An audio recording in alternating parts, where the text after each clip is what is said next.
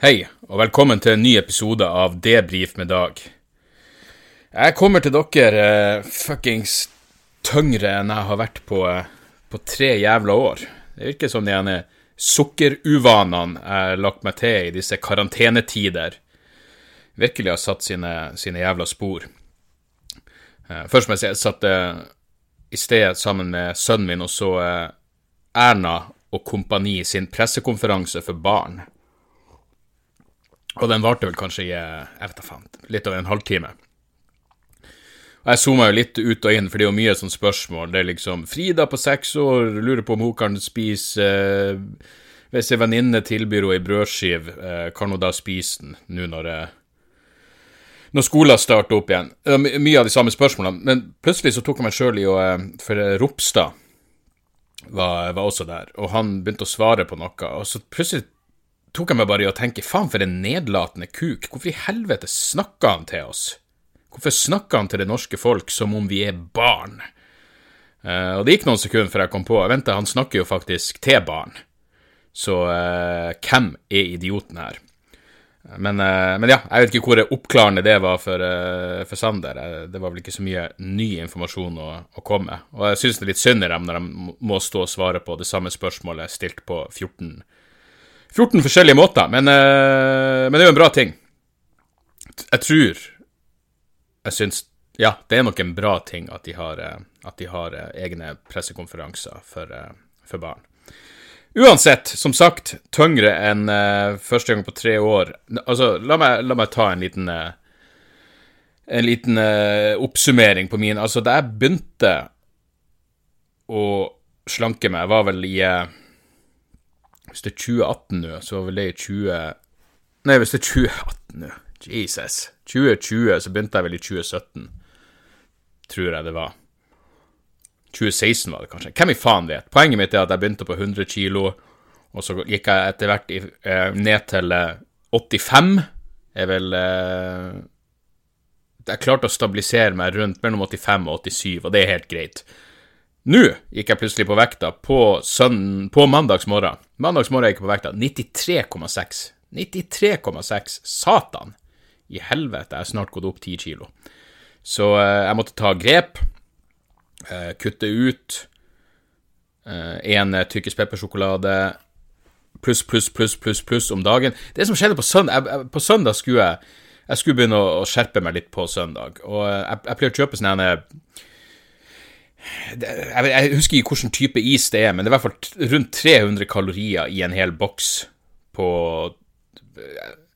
300, Jeg tror boksen er 350 gram, og eh, det er 320 kalorier i en sånn boks.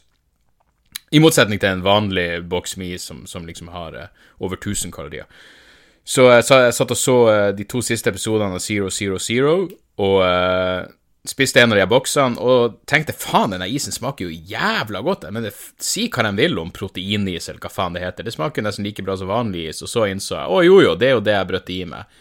500 gram med vanlig is. Eh, 1300 kalorier rett i fucking skapet. I tillegg til eh, det jeg bare vil anta er kilovis med sjokolade og faenskap. Så jeg tenkte ok, nå, hvis, hvis, ikke jeg tar tak i det her nå For før jeg hadde en sånn eh, regel at 90 Hvis jeg går over 90, det er liksom det magiske tallet. Da må jeg begynne å skjerpe meg igjen. Da må jeg begynne med kaloritelling og fuckings faen vet. Så, eh, så jeg bare sier det til dere, så jeg skal tvinge meg sjøl nå til å, til å være flink. Og jeg har faktisk gått ned to kilo siden, eh, siden mandag, for nå er jeg på sånn halvveis fuckings ketose, og jeg jogger, og det, ja, det er full pakke. Målet mitt er bare at jeg skal være under 90 kilo i løpet av denne uka, og det tror jeg skal eh, Jeg tror det skal gå fint. Og så Men det er fuckings Som dere vet, det er vanskelig. Det må da være mange av oss som ramler ut feit som faen når ting begynner å normalisere seg nå. Jeg kan ikke tenke meg noe annet. Og så er det selvfølgelig de irriterende dildoene som, som blir å oppstå bedre trent enn noen gang fordi de har sånn helvetes eh, ja, viljestyrke i tillegg til, uh, i tillegg til fritid. Men var, jeg skylder på den iskartongen var det som gjorde at det bikka totalt over. Fordi når jeg først innså at jeg hadde fucka opp der, det var jo på formiddagen, så tenkte jeg nå kan jeg virkelig bare krasje i isfjellet med fullt jævla overlegg og gå ned som ei jævla sukker-Titanic. Og det var ikke noe bandet slutta å spille lenge før eh, Lenge før vi traff eh, Før vi traff isberget der. Men eh, Men ja, så, nå skal jeg skjerpe meg. Jeg bare sier det. Og så forhåpentligvis neste uke så skal jeg rapportere at jeg er under 90 kilo. og Det skal faen meg gå. For jeg kan når jeg må. Jeg, jeg har viljestyrke når jeg må. Når jeg tvinger meg sjøl. Jeg er ikke sikker på om det gjelder som viljestyrke. Ja, de må jo gjelde som viljestyrke. Uansett. Eh, det her jeg, jeg går ut ifra det her gjelder få av dere, men man får jo sånne Instagram-minner opp. Eh, så jeg fikk en minne fra eh, minne opp fra 2017 som var jævlig morsom, for de hadde, da hadde eh, hele hele Norges Jan Tor Kristoffersen laga en sånn han har klept hodet mitt inn på en sånn hjemme hos-reportasje i Se og Hør, hvor det ser ut som jeg sett med gitaren og hvit skjorte og ei eller anna kjerring i det som bare kan beskrives som høyst uestetiske omgivelser. Faka til en bra hjemme hos-reportasje, så jeg la ut den og delte den som en sånn minne. Uh, og går selvfølgelig ut ifra at absolutt alle skjønner at det her er kødd. Nei, basert på Altså, nå skal ikke si mange meldinger, men når du får seks meldinger som handler om 'Å, oh, du eier ikke integritet', 'Å, står det så dårlig til at du må stille opp i Se og Hør', 'Hva koster sjela di', 'Faen, hvor stygt du har det hjemme', 'Jeg visste ikke at du spilte gitar'. Altså, noen skriver jo på kødd, men noen mener det jo. Noen fuckings mener det jo. Og det var to av dem jeg bare svarte seriøst. Jeg håper du fuckings kødder. Og da var liksom svaret ja, nei, jeg syns ikke du har det så stygt hjemme, og nei, dama di var jo kanskje fin allikevel. Altså, hvordan i helvete kan du tro at jeg stiller opp i en hjemme hos-reportasje med Se og Hør? Altså Ja, nei, det, det, står aldri så dårlig til, for jeg, jeg avslutter alt. Jeg avslutter vel det her livet før jeg fuckings stiller opp i Se og Hør. Det er jo faktisk da jeg, mulig jeg nevnte det før, men da, i da jeg fikk den ene Og det var en stor ting for meg, men da jeg fikk den komiprisen, årets nykommer i 2000 og faen vet, så, så, var det sånn etterfest på Latter, og da kom det Og selvfølgelig, det, var, det her var jo tid når media fortsatt hadde budsjett, og så de møtte jo opp og skulle ta bilder, intervjue, og 'Hvordan føles det å årets nykommer?' Så kom det en fyr bort og spurte om han kunne ta bilder av meg og fruen, og da sa, da sa bare fruen «Eh, 'Hvem du jobber for?' Og når han sa 'Se og Hør', så sa hun bare 'fuck off'. ikke noe bilde. Og uh, ja, lista ble lagt der, og det er fortsatt der lista ligger. Selvfølgelig sier vi fuck off til Se og Hør. Det var jo det som gjorde Jan Tore sin kødd så jævlig morsom. Uh, og uh, jeg blir bare foruroliga. Jeg, jeg vet ikke, det er mulig jeg tar det for seriøst, men altså, hvordan i helvete, av alle ting jeg kunne funnet på Og det er, ikke, det, det er ikke det at jeg er et perfekt rulleblad, eller at jeg er så heva over og fucka opp. På ingen måte. Men ha nå litt større tiltro til meg enn at jeg stiller opp i fucking Se og Hør.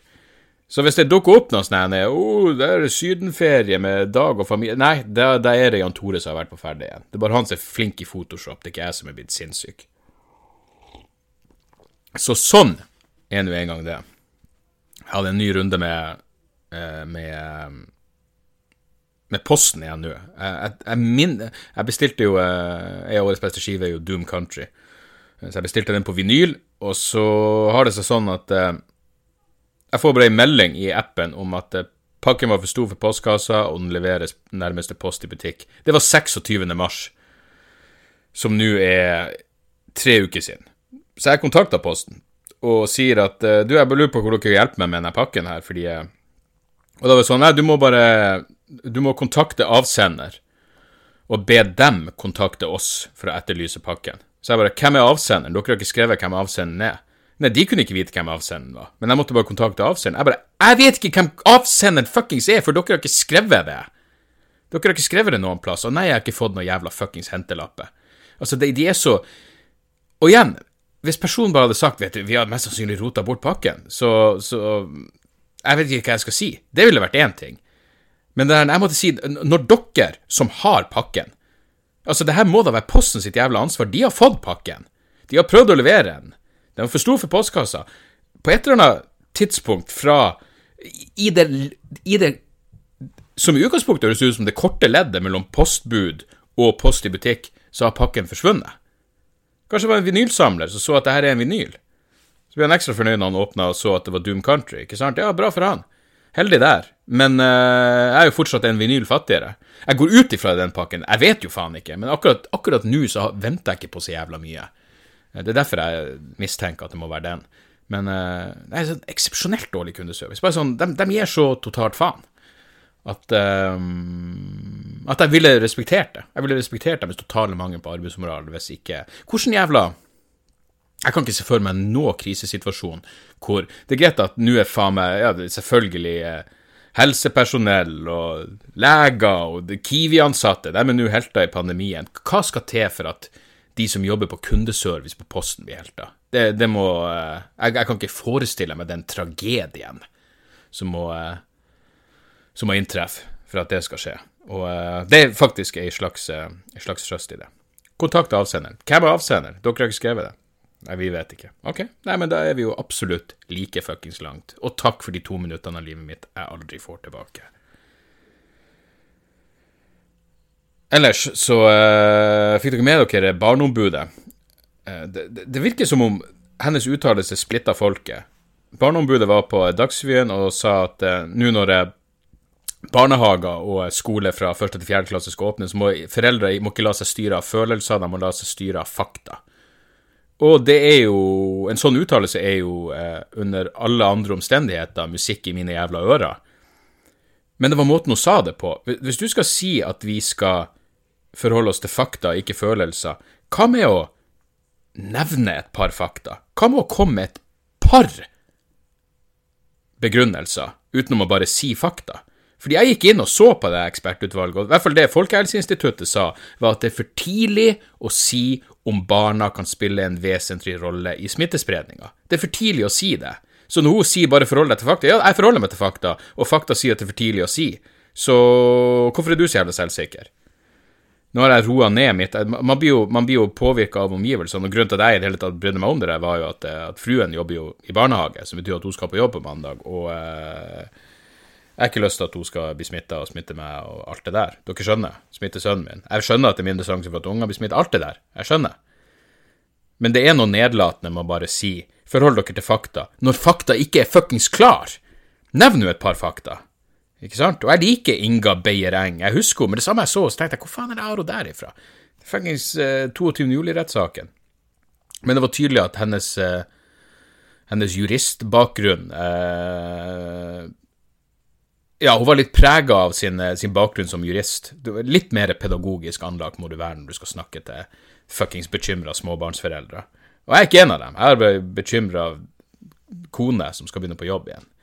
Ikke, ikke si fakta som om fakta er en ting når man ikke vet. Det er alt jeg spør om. Det er alt jeg sier. Jeg er glad ting skal åpnes opp igjen. Det er virkelig ikke det men å bare si fakta uten å komme med et par fakta Hva med en liten jævla fotnote til ordet fakta når du sier det på en så fuckings nedlatende måte? Jeg mener, så dere en eh, Det var en sak i, i Oslo. Eh, noen fikk eh, oversvømmelse hjemme, og så kontakta de en rørlegger, og sa rørlegger dere må bare kontakte eh, eh, forsikringsselskap, og så kom det noen sånne som jobber med skadesanering.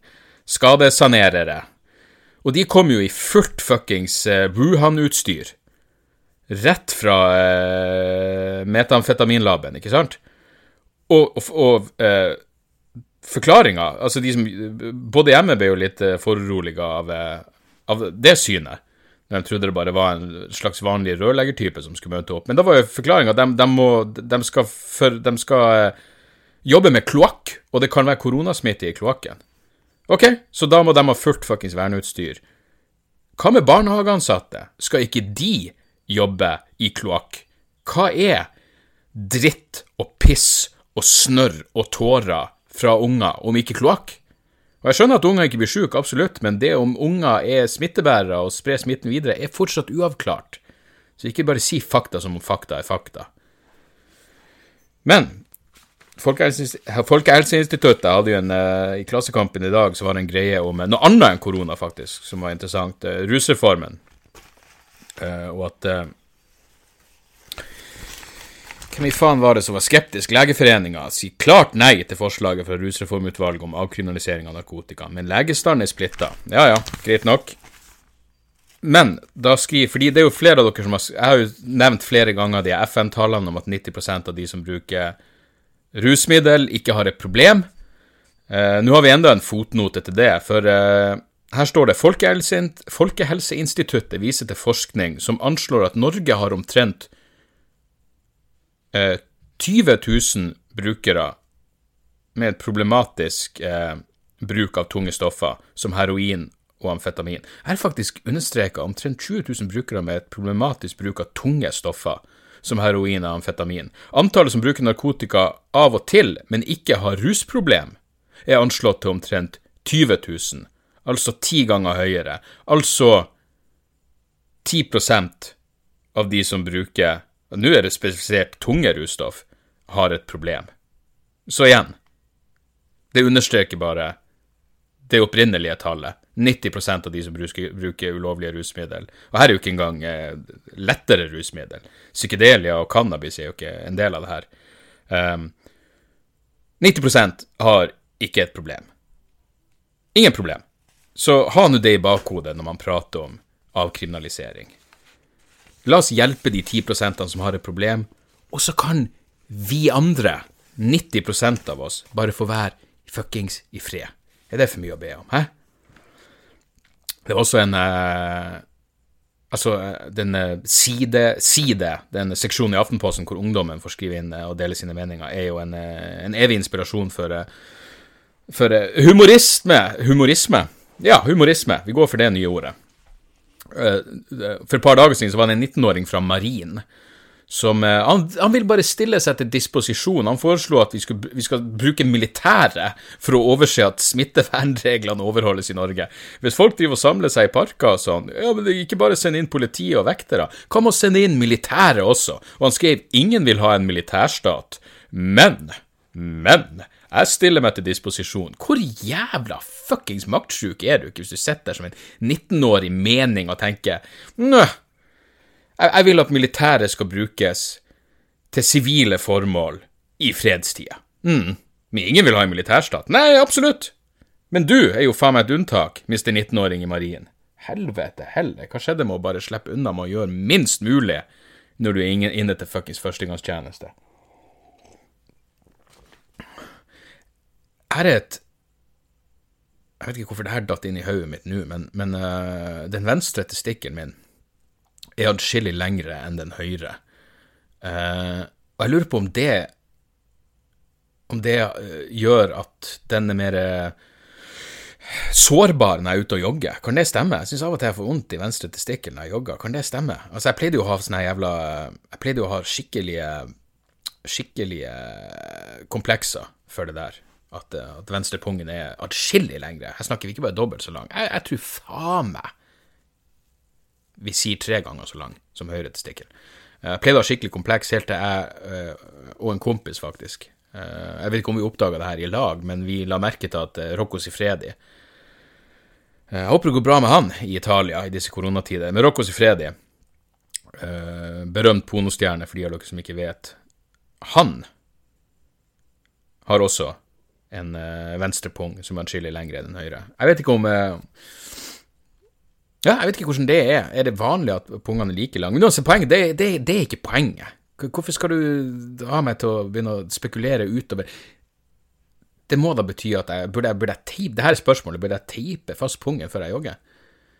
Eller er det testikkelkreft? Altså, det, det er ett av to. Enten som er teiper, eller så er det testikkelkreft. Og jeg er mer tilbøyelig for, eh, for teip akkurat i det her jævla Akkurat i det her øyeblikket.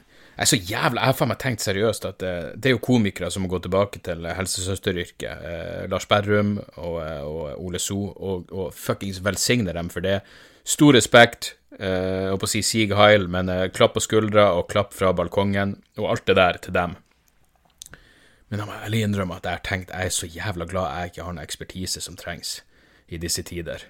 Eh, jeg, jeg kan gjøre tragedier morsom, men, men, utenom det så er jeg så jævlig glad at jeg ikke har noe praktisk jævla kompetanse som trenges i, uh, i disse tider. Men her er et uh, tips. Hvis dere uh, Jeg tror kanskje dere må abonnere på på Morgenbladet for å kunne lese den, men hele Hviterusslands Evgenij Morozov Jeg tror han er fra Hviterussland. Ja, uansett, han er en jævlig uh, Jævlig interessant vitenskapshistoriker. Han har en slags Altså, artikkelen heter 'Se så tilpasningsdyktige vi er'. Og den er ganske Den er tung, men uh, han kritiserer Han kritiserer Altså, han Han kritiserer det han kaller den postideologiske ideologien løsningsideologi. Jeg vet det er en fuckings munnfull. Men, uh, men han mener at sånn som i, i koronakrisa nå, så er det ingen det er ingen spørsmål om å gå grundigere til verks i forhold til til, til, til problemløsning. Så, så eh, han prater om noe som han kaller eh, innovasjonskomplekset. Utviklere, datautviklere, hackere, gründere. Det er liksom denne ideen om at, eh, at vi må inngå kompromiss mellom, mellom eh, personvern og det å berge helsa vår, ikke sant? sånn som det kommer til, til, til overvåkning av koronasmitte og tracking og sånne ting. Hans poeng er hvorfor må det være kompromiss? Hva med anonymiserte data? Hvorfor, hvorfor kjøper vi denne ideen om at vi Hvorfor kaller vi oss egentlig et demokrati når vi er så, eh, så sinnssykt avhengig av, eh, av private, essensielt private eh, tyranni. Og du ser jo nå sånn som når oh, Apple og Google skal slå seg sammen for å løse sporing av koronakrisa, og alle skal bare klappe til det. Bare hør den bra, bra avslutninga. For han, han kritiserer eh, også Yuval Harari og det han skrev i Financial Times for, eh, for noen uker siden. Men avslutninga er hvis det halvhjerta demokratiet vårt kan overleve koronakrisen, bør første post på programmet være å, brøyte en postsolusjonistisk vei mot full uavhengighet fra de private selskapenes makt. Hvis ikke vil vi sannsynligvis oppleve en full repetisjon av det autoritære veivalget men med langt mer hykleri fra elitene om demokratiske verdier, maktfordelingsprinsipp og menneskerettigheter. Eh, så han er godeste Morozov er faen meg en av de mest sånn interessante og motstrøms uh, tenkerne vi har når det kommer til ideologi. Så jeg, jeg, jeg skal linke til den artikkelen i uh, Jeg skal linke til den artikkelen i, uh, i shownotene, så kan dere sjekke den ut! Om dere, uh, om dere føler for sånt. Ellers så eh, Ja, for jeg, jeg må innrømme at det, det, det, stresser meg litt, det her. Denne ideen om at hva man er Nå, nå er det jo, I Norge er det minst en debatt om denne unntaksloven skal, skal utvides til å gjelde en måned til når den går ut uh, i slutten av denne måneden. Uh, for det er et eller annet med det der ah, Livet skal tilbake til normalen på et eller annet På et eller annet jævla tidspunkt. Uh, og liksom, og hva en slags overvåkningstiltak som iverksettes. Den kan virke så smart der og da, og, men det skal rulles tilbake på et eller annet tidspunkt. og det er ikke bestandig hva med, Hvis vi er avhengig av en viss uh, form for overvåkning, hvordan skal det rulles tilbake? Det, altså, hvis du, hvis du, klager på Av og til er det vanskelig for meg å vite om jeg har sagt det her til fruen, om jeg har sagt det på podkasten, eller om jeg bare har tenkt det inn i hodet mitt. Men men ikke sant, når, når, det er et spørsmål å, har vi nok ventilatorer Nei, vi må ha bedre kriseberedskap, da må vi ha, må vi ha mye mer ventilatorer stående klare. Ja, Vil ikke da også bli et, klar, et krav at vi må ha god nok overvåkningskapasitet eh, klar når, når, neste pandemi bryter ut? Jeg, jeg vet da faen. Jeg bare, det, alt blir bare den nye normalen så jævlig fort, og det er det som gjør meg skeptisk, og det er det som gjør folk som han er Evgenij Morozov så jævla viktig, fordi han faktisk eh, klarer å tenke eh, kaldt og logisk når det går varmt i skallen på resten av oss. Så, eh, så der er det. Så vi ser om det var noen mailer å ta tak i. Ja, vi har en mail her som heter 5G for helvete. Uh, og da er det en, en, kar Jeg er en av dem som elsker å følge med på hva Levi Amen Jensen lirer av seg. Men i det vedlagte eksempelet har vrangforestillingen hans gått fra underholdende til noe treningskari ville litt av seg. Det er ikke for å ta opp et gjentagende tema at jeg sender denne mailen. Min svigerfamilie er ukrainsk, altså bare for å understreke Levi skriver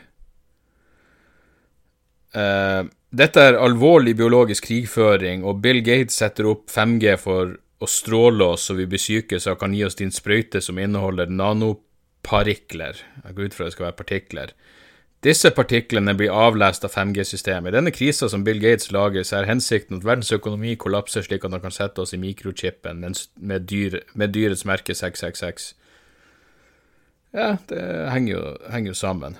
Um, men uansett, denne mailskriveren skriver min svigerfamilie er ukrainsk og medlemmer av en konservativ pinsemenighet. Jeg er allerede litt på tynn is da jeg røyker, drikker og er blodhedning. Da vi ringte for å ønske dem god påske, fortalte de at hele familien der nede hadde flyttet ut på hytta, ingen forbud der nede, på grunn av de samme poengene som Levi tar opp. Den yngste svigerbroren min er knapt 16 år, og har så lenge jeg har kjent han vært frittenkende.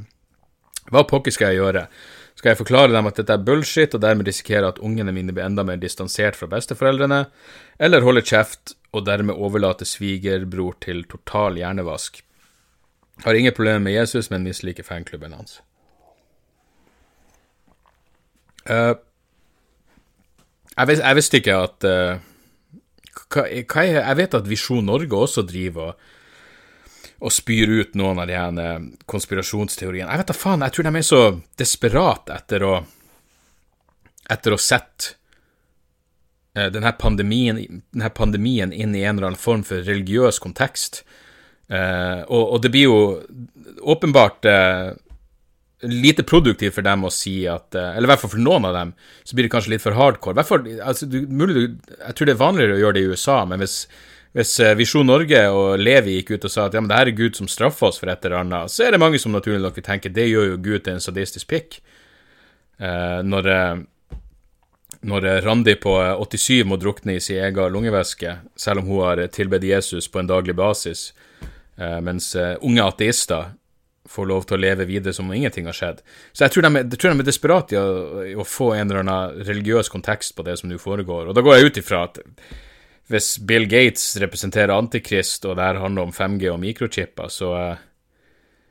Men igjen, altså, det her er så hinside det her, det her er Altså, for meg så er det her uh, like absurd som, som ja, de er flat earthers, og uh... Jeg vet ikke. Altså, det, det er jo men, men, hva er det du egentlig spør om? Da vi ringte dem for, for hele familien har flytta ut på hytta pga. de samme poengene som livet tar opp. Den yngste svigerbroren min er knapt 16 år, har så lenge jeg har kjent han vært frittenkende. Ja, du må jo prøve å si sannheten. Om, om det betyr at ungene blir mer distansert fra besteforeldrene, det går jo an. Det her problemet hadde jeg jo med har jeg vært borti sjøl, hvor det går an å si hei, eh, bestefar har noen sinnssyke tanker i hodet som er eh, rett og slett moralsk forkastelig og beviselig feil. Vi kan fortsatt være glad i han, men, men her er det viktig å, å, å tenke sjøl.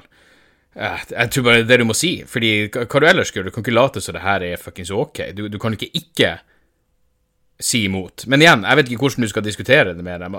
Det her er jo den type samtale som er vanskelig å ta over Skype eller e-mail. Men uh, hvis noen først kjøper de her ideene, så vet jeg ærlig talt ikke. Det er ikke du, Det må mer tålmodige folk enn meg til for å begynne å mot... Fordi jeg, jeg, jeg, skjønner ikke engang Altså, hvis noen sier at det her handler om 5G og, eh, og Bill Gates som skal sette Satan sine mikrochipper i oss, så så vet ikke jeg hva jeg skal svare på det. Da, da, må, da må du be dem komme med noen bevis. Og jeg tør ikke engang tenke på hva de jævla bevisene skal være for noe. Men, uh, men lykke til med hva dine ene, egne unger For det første, gi svigerbroren din en alliert. Siter han selvfølgelig Gi han en, en fuckings eh, rasjonell alliert, og, og ungene dine du, Ja, du må jo sitere dem at best, bestemor og bestefar har noen fuckings skrudde ideer i skallen sin. Hvor de kommer ifra, vet jeg ikke, men uh, du kan være glad i dem allikevel, men hør for guds skyld ikke på noe av det de sier om noen verdens jævla ting, enten det inkluderer 5G eller Jesus. Uh, Astrid skriver Hei, kjempebra podkast, fast lytter her. Siste episode snakker du om at du og fruen uh, har varma opp til Westworld sesong 3 ved å se de tidligere sesongene. Skulle gjerne hørt din betraktning på noe i forhold til det. Du, jeg vurderer å ta en Westworld bonusepisode på Patrion. Jeg vet ikke om det er noen form for interesse for det, men uh, det er nå en tanke jeg leker med. Uansett, min erfaring med mange populære serier og filmer er at det kreves en enorm konsentrasjon og trening for å klare å få med seg alle detaljer, hint, usynlige sammenhenger osv. Noe er selvsagt noe er selvsagt intensjonen til produsentene, eh, grunnen til oppbyggingen av narrativet ment for oss Ment for å få oss til å spekulere. Det har i hvert fall gjort meg vant til å stille med et åpent sinn og forsøker å huske alle disse løse trådene til siste sesong syr alle bitene sammen. Typisk Westworld, for eksempel. Et annet eksempel er The Witcher, som du antageligvis ikke har sett. Ikke en favoritt her, i alle fall, men du har sett The Witch, var det noe Netflix-eventyr? Nei, det er ikke for meg, tror jeg. Etter å ha oppdaga at det finnes en haug med proffe kanaler på YouTube som analyserer hver episode, film, spill, alt du måtte ønske deg, har jeg blitt klar over hvor mye undertekst det blåste øyet faktisk går glipp av. Midt i alle fall. Så nå ved hjelp av YouTube ser jeg filmer og serier for hva de er verdt, hvis du skjønner. Jeg føler det er litt problematisk. Så poenget mitt er YouTube noe du selv bruker. Burde man ha bruk for det? Kan hende jeg er langt utenom, men du har gjerne et interessant perspektiv på ting. God påske uansett. Uh, det var faktisk noen andre som sendte meg Jeg tror det var en Kømballe som sendte meg tips om en YouTube-kanal som heter Alt uh, Shift X, som går gjennom serier som blant annet Westworld og forklarer uh, kronologi og alt sånt. Jeg har ikke sjekka det ut ennå sjøl, men det er jeg absolutt åpen for. Jeg mener, det her var jo noe man gjerne gjorde som kjøpte DVD-er før i tida, så hadde du liksom Hvis det var filmer jeg virkelig likte, så hadde du det Directors Commentary, hvor regissøren forklarer hva som foregår, og, eh, og alt sånn. Men, eh, men, ja, det å se Westworld om igjen har jo absolutt gjort at jeg har innsett hvor jævla mye jeg har gått glipp av. Hvor mye som skyldes bare min egen dårlige konsentrasjonsevne, og hvor mye som skyldes hvor, hvor jævla eh, ja, komplisert eh, den tidshoppinga og ja, egentlig hele historia tidvis er. Eh, men, men, hvis noen kan klargjøre det via en YouTube-video, så er det tipp topp. Jeg mener, jeg, jeg, jeg, jeg, bruker ikke YouTube til akkurat det, men jeg ser jo en masse nerdete eh, diskusjoner og, og, ting på, på YouTube. Så det, hvis YouTube det, det, må jo være YouTube på sitt beste. Jeg mener, YouTube, Det blir nesten et meningsløst begrep å bruke nå, for YouTube er jo som internett. Det er jo faen meg alt der ute. fra fra Bill Gates eh, putter sataniske mikrochipper i oss, til uh, dyptpløyende analyser av kunstig intelligens og Westworld. Så, uh, så, selvfølgelig, bruk det for det det er verdt. Du, du finner vel fort ut om, uh, om det er kvalitet i det. Men, men ja, det er, det er, jo fascinerende mange ganger å tenke ja, hvor mye arbeid som, som ligger bak der. Det, det, er noe jeg også har tenkt, jeg har lyst til å spørre en musiker om, men jeg tenker på det der med, med, med låter. Altså, skikkelig bra skive bruker jo ofte Du må ofte høre dem fire-fem ganger før det begynner å sette seg. Og så skjønner du gradvis hvor jævlig bra det er. I hvert fall de, de beste skivene, de som er vedvarende, det som er klassikere, som du hører på i tiår fremover.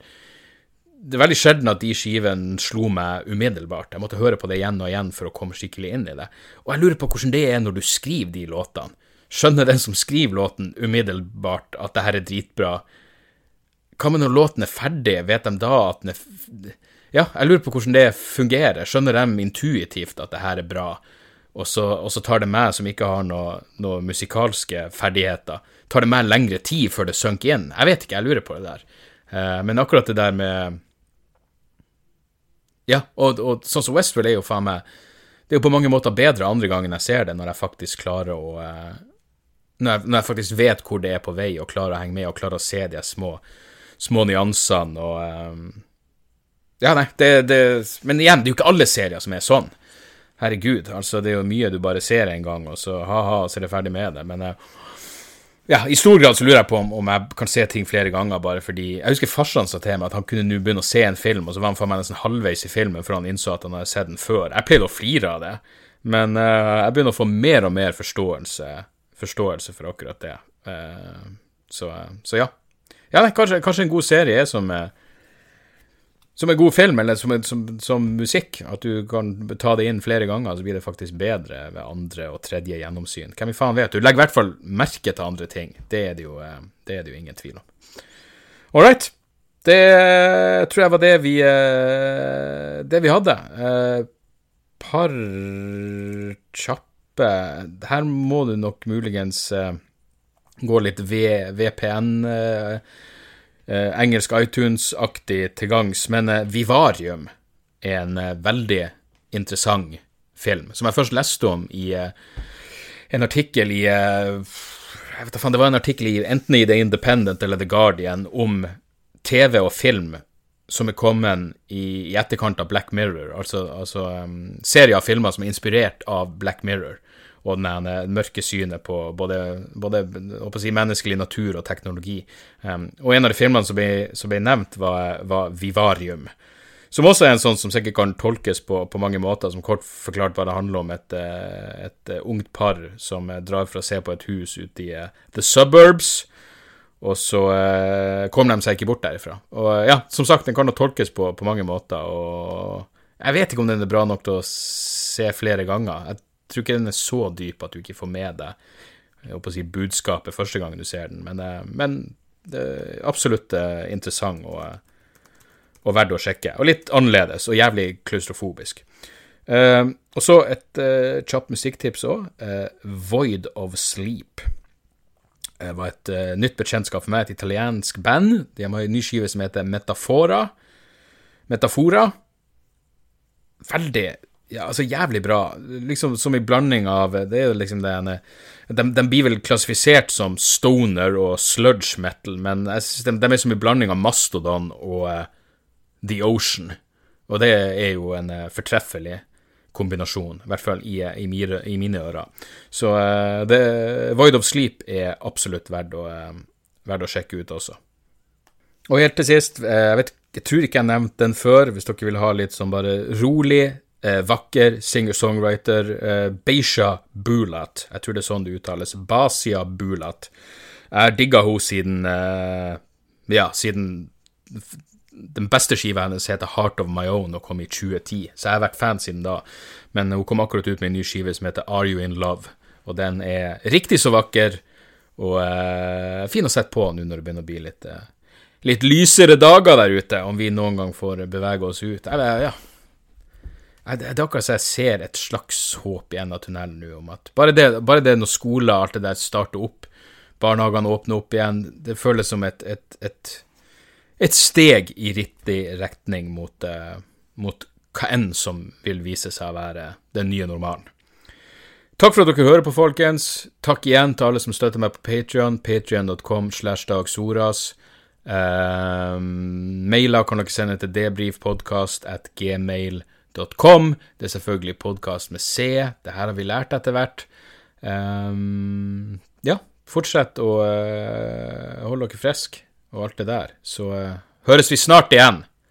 Tjo og hei! Da er det reklametid, og ukens annonsør er fiken. Hør her, jeg, jeg, jeg avskyr ordet regnskap. Ordet regnskap eh, gir meg assosiasjoner som er uhyggelige. Det får meg til å tenke på andre uhyggelige ord som ettersyn og underlivsundersøkelse.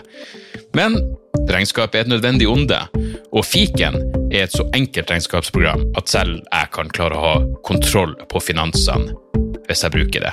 Eh, du kan registrere kjøpene dine bare med å ta et bilde av kvitteringa med appen, og så kan du bare hive, hive kvitteringen. Hvor nydelig kan det bli? Og Fiken forholder seg også til regnskap med overkommelige ord. Det er ikke masse overkomplisert økonomisk terminologi. De kaller det kjøp og salg i stedet for hva enn de kaller det på BI. Og du kan, eh, du kan få fiken til å sende purringen dine, sånn at du slipper å gjøre det sjøl. Slipper du de der flaue øyeblikkene hvor du må skrive 'unnskyld meg, men det står noe utestående her, kan du fikse det fortest mulig', eller må jeg sende, sende mafiaen etter deg? Nei, fiken fikser det der, så kan du skylde på algoritmene. Du slipper dårlig stemning. Jeg syns det er utrolig greit å slippe å styre med sånne ting sjøl, og nå kan du prøve fiken gratis i 30 dager. Hva, hva har du å tape? Bokstavelig talt ingen verdens ting. Så gå inn på fiken.no og prøv fiken gratis i 30 dager. Ok? Det var ikke så vanskelig.